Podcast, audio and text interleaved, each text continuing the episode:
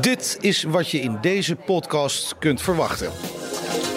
We helpen ze om verder te groeien. Het is gewoon een mooi klimaat hier. Eh, ruimte, eh, rust en ook om te Eh, wonen. niet alleen dus in, in eh, bedrijfseconomisch, maar ook in FTE. Fijn dat je luistert. We kennen allemaal natuurlijk de slogan: Er gaat niets boven Groningen. Toch heeft het Economic Board Groningen noodzaak gezien om een investeringsfonds in het leven te roepen. En dit groeifonds investeert in projecten die anderen te spannend vinden. Zo melden ze in elk geval op hun eigen website. Je denkt dan misschien: wat zijn dat voor projecten? Wat heeft deze regio nodig? En wat kom je tegen als ondernemer in Groningen? Mijn naam is Meijnerd Schut. Ik ga in deze serie podcast op zoek naar antwoorden op deze vragen. En vandaag praat ik met Allard van der Horst, investeringsmanager bij het Groeifonds. En Bert Goslinga, directeur van Venema Installations.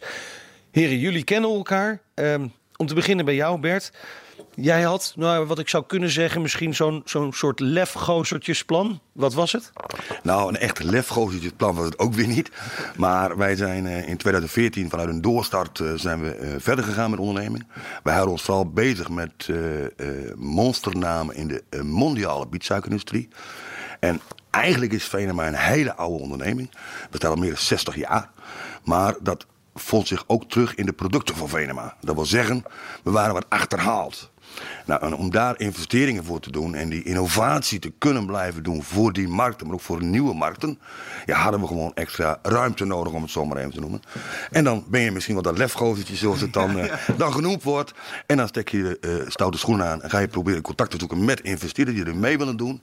We hadden in het verleden al een keer met de NOM eh, gesprekken gevoerd, dus de contacten lagen er al wel wat. En eh, zodoende zijn we bij het eh, Groeifonds gekomen. En eh, contact met, met Allard.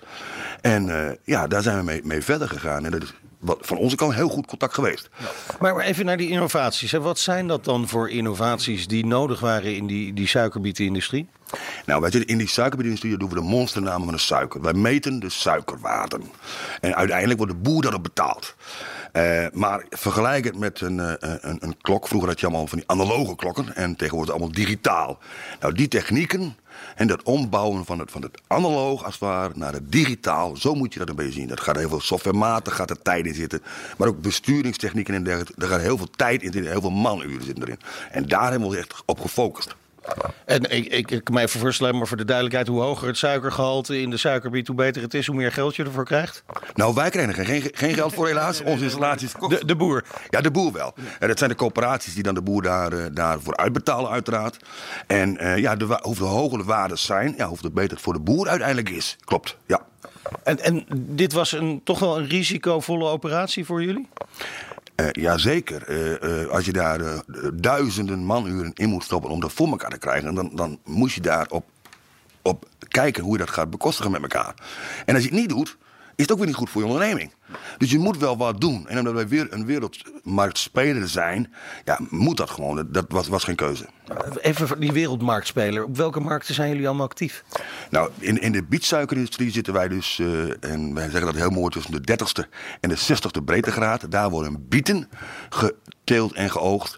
En dat is in landen van Egypte, Marokko, China, eh, Rusland, Tunesië. Daar zitten we allemaal. Kijk, Nederland kent nog twee suikerfabrieken. Dus als we daarvan moeten leven, dan moeten we onmiddellijk de deur op, op slot doen. Of het groeifonds moet nog verder over de brug komen. Maar daar zitten wij, die markten zitten wij echt. Maar waar we ook graag heen willen, en daar hebben we het gro- groeifonds ook, ook voor nodig. Dat is de rietsuikermarkt. Want die is vele malen groter nog dan de bietsuikermarkt. De bietsuikermarkt wereldwijd, ongeveer 20% van de suiker die we consumeren met elkaar, komt van de biet. En 80% is van de rietsuiker. Maar dat moet ook gemeten worden. Dus ook daar willen we om marktonderzoek te doen. eh, zelfs in de land aanwezig te zijn, kost ook geld. Ook daar moet je op investeren. Nou, en dat kan bij een, bank gaat niet zeggen... joh, ga maar, hier heb je een paar ton om naar het buitenland te reizen. Waarom niet? dat is risicovol. Want ja, gaat hij daar echt werk doen of gaat hij daar eh, met een hak in het zand op het strand liggen, wat dan ook. Dus die, die ziet, dat is niet tastbaar. En eh, bij het groeifonds, nou, als het niet zo tastbaar is, willen we toch meedenken daarin om te kijken en toch het wel zien. En eh, kijk, een bank die kijkt zeker naar de balans van de onderneming. En zegt, joh, eh, als hij in evenwicht is, dan willen we wat doen. Is hij niet in evenwicht, dan kan het niet, is geen balans meer. Maar doen we niks. Dus het risico bij die banken eh, op blauwe ogen geld lenen is gewoon niet meer aanwezig. Nou, en daar is het groeifonds, vind ik, heel goed ingesprongen. En daarom ben je ook daar terechtgekomen bij dat eh, groeifonds, Allard. Eh, ben jij als investeringsmanager ook op zoek naar echt risicoprojecten waar de bank dus inderdaad niet in wil stappen? Ja, dat klopt. Ehm, je hebt soms ook projecten waar banken inderdaad helemaal niet in willen stappen. En je hebt ook soms projecten waar banken gedeeltelijk in willen stappen. Uh, goed is om te zeggen dat wij uh, alleen kunnen optreden als co-financier. Wij zijn nog nooit de enige financier van een uh, project of van een grote investering. Dus wij doen het altijd samen. We kunnen dat samen doen met uh, investeringsmaatschappijen. We kunnen dat samen doen met aandeelhouders. Uh, en veelal gebeurt dat samen met de huisbankier. En dan zegt vaak de huisbankier van nou, ik wil wel meegaan, maar tot een bepaald niveau. En dan ontbreekt er vaak nog een behoorlijk stuk. Nou, daar kunnen wij heel mooi inspringen. Wij richten ons eigenlijk op twee, uh, twee pijlers. De ene pijler is uh, de bestaande bedrijven in Noord-Groningen. Die ook verder willen groeien. ook goed zijn voor de verdere bedrijfseconomische groei in dit werkgebied. Ook goed zijn voor verdere groei in FTE. Ehm, maar dus om wat voor reden ook tegen kredietplafonds aanlopen. Dat is de ene pijler. En de andere pijler is dat wij van, vanuit het groeifonds proberen bedrijven te interesseren om zich hier te gaan vestigen in Noord-Groningen. Uh, wij kunnen ons heel breed oriënteren van start-ups tot aan uh, gevestigde bedrijven. Nou, ik ben via via bij Venema Installations uitgekomen. Ik denk een perfect voorbeeld van een heel mooi Noord-Gronings bedrijf. voor velen wellicht van onder de radar opererend, maar ze doen het hartstikke mooi. en zelfs zodanig goed dat ze willen gaan investeren in, in, in, in nieuwe orders, ehm, waardoor ze een piek krijgen in kapitaal behoefte, financieringsbehoefte. Dat is vaak voor banken wat ingewikkeld om dat geheel in te vullen. En daar komt voor ons de mooie rol. En toch, het zijn, het zijn spannende projecten hè, waarvan jullie beiden al zeggen... de bank stapt er niet in, omdat het misschien wat te risicovol is. zijn er ook projecten die je misschien hebt afgewezen omdat ze niet spannend genoeg waren? Nou, spannend is niet het goede woord. er zijn inderdaad wel projecten die, die wij hebben afgewezen. En uh, kijk, uiteindelijk is het bij ons ook zo. Wij zeggen het businessplan moet op orde zijn. Daar moeten geen open eindjes zijn. Wij willen daar absoluut een, uh, een hoog risico in nemen. Uh, veel hoger dan banken vaak willen. Ehm, maar het businessplan moet op orde zijn. Hè? Dus die bekijken we goed. Die bespreken we ook goed met de ondernemer. En uiteindelijk moeten we ook met de ondernemer een goed, goede klik hebben. Hè? Want uiteindelijk is hij of zij wel de persoon met wie we nou ja, zes, zeven jaar, gemiddelde looptijd van de lening, uh, uh, als gesprekspartner moeten hebben. Maar hebben jullie dan ook lagere criteria als het gaat om de beoordeling dan bijvoorbeeld andere investeerders zoals de banken? Ja, hebben we. Ik heb hiervoor uh, uh, bij zowel ING als bij Rabo uh, gewerkt. Nou, wat je veelal ziet bij banken is allereerst dat ze toch wat huiverig zijn om met start-ups in zee te gaan. Uh, en daarnaast voor bestaande bedrijven wordt uh, heel veel gekeken naar zekerheden. Hè. Wat voor een hypotheek hebben we? Uh, wat is de dekkingswaarde daarvan? Hoeveel roerende zaken zouden we aan ons kunnen laten verpanden? dat is bij ons niet zo. In de regel ehm, doen wij alle financieringen ongesecureerd. Dus er zit geen dekking tegenover. Wij kijken met een schuin oog naar het verleden. Hè. Dus in die zin als het een bestaand bedrijf is, kijken we ook naar de cijfers. Maar veel meer nog, denk ik, dan banken, kijken we juist naar voren. Uh, uh, hoe ziet de geprognotiseerde omzet eruit? Hoe zeker is het? Hoe ziet die cashflow eruit? kunnen uit die cashflow de rente en aflossing alles betaald worden?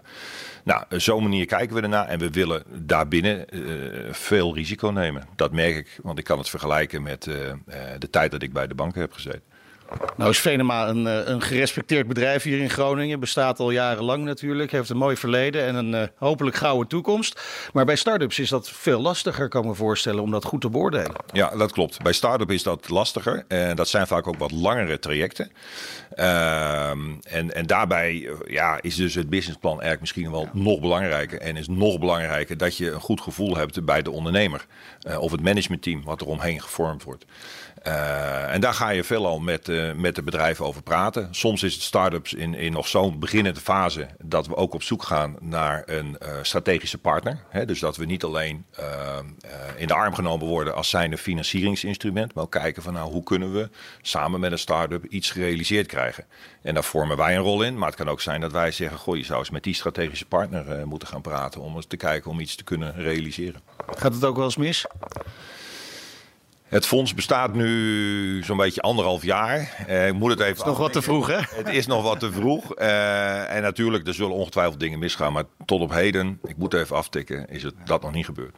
Maar goed, het is dus wel verantwoord risico nemen wat dat betreft. ja, wat moet ik ervan zeggen? Wij, wij nemen duidelijk een groot risico. Dus het zal ongetwijfeld ook kunnen voorkomen dat lang niet iedere euro die wij financieren terugkomt. Maar uiteindelijk hoeft dat ook niet. Uh, we streven natuurlijk wel naar, maar als het een keer niet gebeurt, nou ja, dan zij het maar zo. We zijn uiteindelijk uh, voor om juist heel veel projecten mogelijk te nemen. En als je groot risico neemt, ja, dan is dat ook zich wel heel raar zijn dat je het ook iedere euro weer terugkrijgt. Zo is het maar net. Bert, jij bent natuurlijk ondernemer hier in Groningen. Is dat eigenlijk anders dan ondernemer zijn in andere gebieden in Nederland, denk je? Ja, die vraag is mij vaker gesteld. Ik, heb uh, nou het geluk gehad of het pech gehad. Ik heb, uh, uh, een keer ook mede-eigenaar geweest van een bedrijf onder Arnhem in Elst. Um, is de mentaliteit anders? Nee, de, de, de, de, financiële markten daar zijn nagenoeg wel gelijk. daar heb je geen groeifonds, dat is dan weer jammer voor die regio.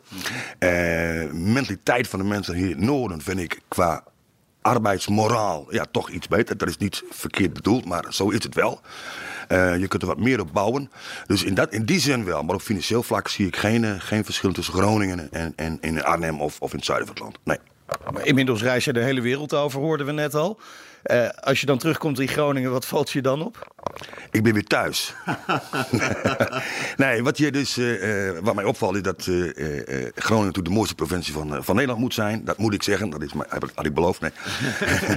maar je vindt het ook echt, hè? Ik, oprecht, ja. Ik, ja. ik voel echt als ik thuis kom. Ik zit natuurlijk veel in een vliegtuig ehm, en zie veel culturen in andere landen. en dan is toch mijn, mijn Groningse nuchtere mentaliteit en cultuur, ja, die gaat toch wel, prefereert toch wel. Nou kom jij ook hier vandaan. Het Groeifonds richt zich ook op bedrijven die hier naartoe willen gaan. Hè, die zich hier misschien willen vestigen. Is het een absoluut voordeel dat je ook hier vandaan komt? Of is het misschien wel ja, ergens een voorwaarde om goed zaken te doen in Groningen? Ja, dan moet ik even uh, teruggrijpen naar het boekje van, uh, van uh, Paul Vintingen van Vlissingen. Ondernemers zijn ezels. en daarin... Sorry. Daarin verwijs ik even naar het, het debakel van de macro in, in Zuid-Afrika. Uh, ik zie, kom ook wel in, in de Afrikaanse landen. Uh, en uh, meneer Ventingen van Vlissingen zei van, je, je moet de taal spreken. Nou ja, je kan misschien Frans, Engels of Duits, dat is het, maar dat is de taal niet. En dat is in Groningen net zo. Je kan nu naar school gaan en Gronings leren. Dat komt binnenkort wel op de scholen denk ik. Maar dan ken je de taal nog niet. En de taal wordt echt bedoeld, wat is de cultuur? Mm. Hè? Wat is de mentaliteit van de mensen? Nou, dat, dat heb je hier in Groningen, vind ik heel sterk. voordat je een Groninger echt hebt, ja, dan, dan duurt het even. Als je hem een keer hebt, laat hij ook nooit meer los. Dan is hij heel erg trouw. Allard, uh, jullie richten je ook op ondernemers die zich hier misschien willen vestigen vanuit andere delen van het land. Zit, als we dit zo horen, zit Groningen dan wel te wachten op die lefgozertjes uit de Randstad?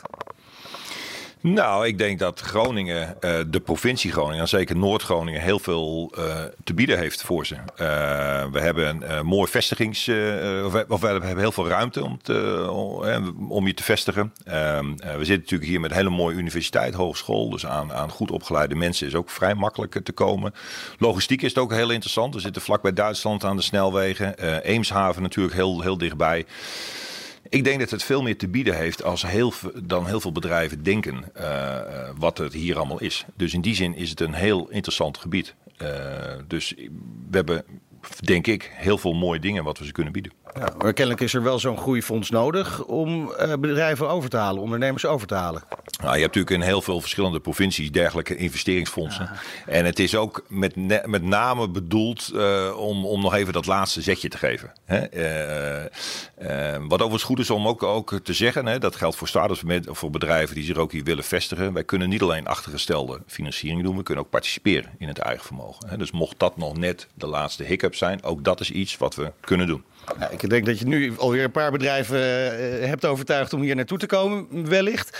Uh, naar wat voor bedrijven zijn jullie op zoek? Want dat zal misschien ook wel enigszins specifiek zijn.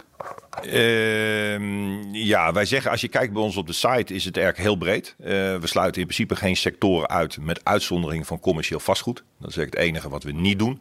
Voor de rest uh, sluiten we niks uit, dus iedereen is welkom. Als je puur kijkt naar uh, de regio hier in Noord-Groningen, dan zie je natuurlijk wel dat het een beetje in de chemische industriehoek, hè, daar zitten nou eenmaal heel veel bedrijven. Dus het hoofd van netwerk voor die bedrijven zou dat heel interessant kunnen zijn.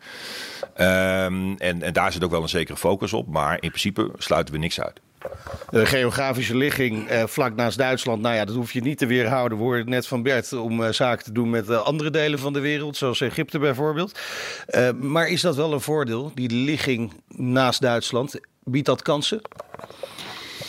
Ik denk dat het ook hele mooie kansen biedt. Uh, ik zeg, het is vlak langs, uh, bij de snelweg. Het is eigenlijk één grote snelweg richting, richting Hamburg. en dan kom je naar, naar. Het is, laten we zo zeggen, van, van, van Groningen naar Bremen. Het is net zo ver als van Groningen naar, naar Amsterdam.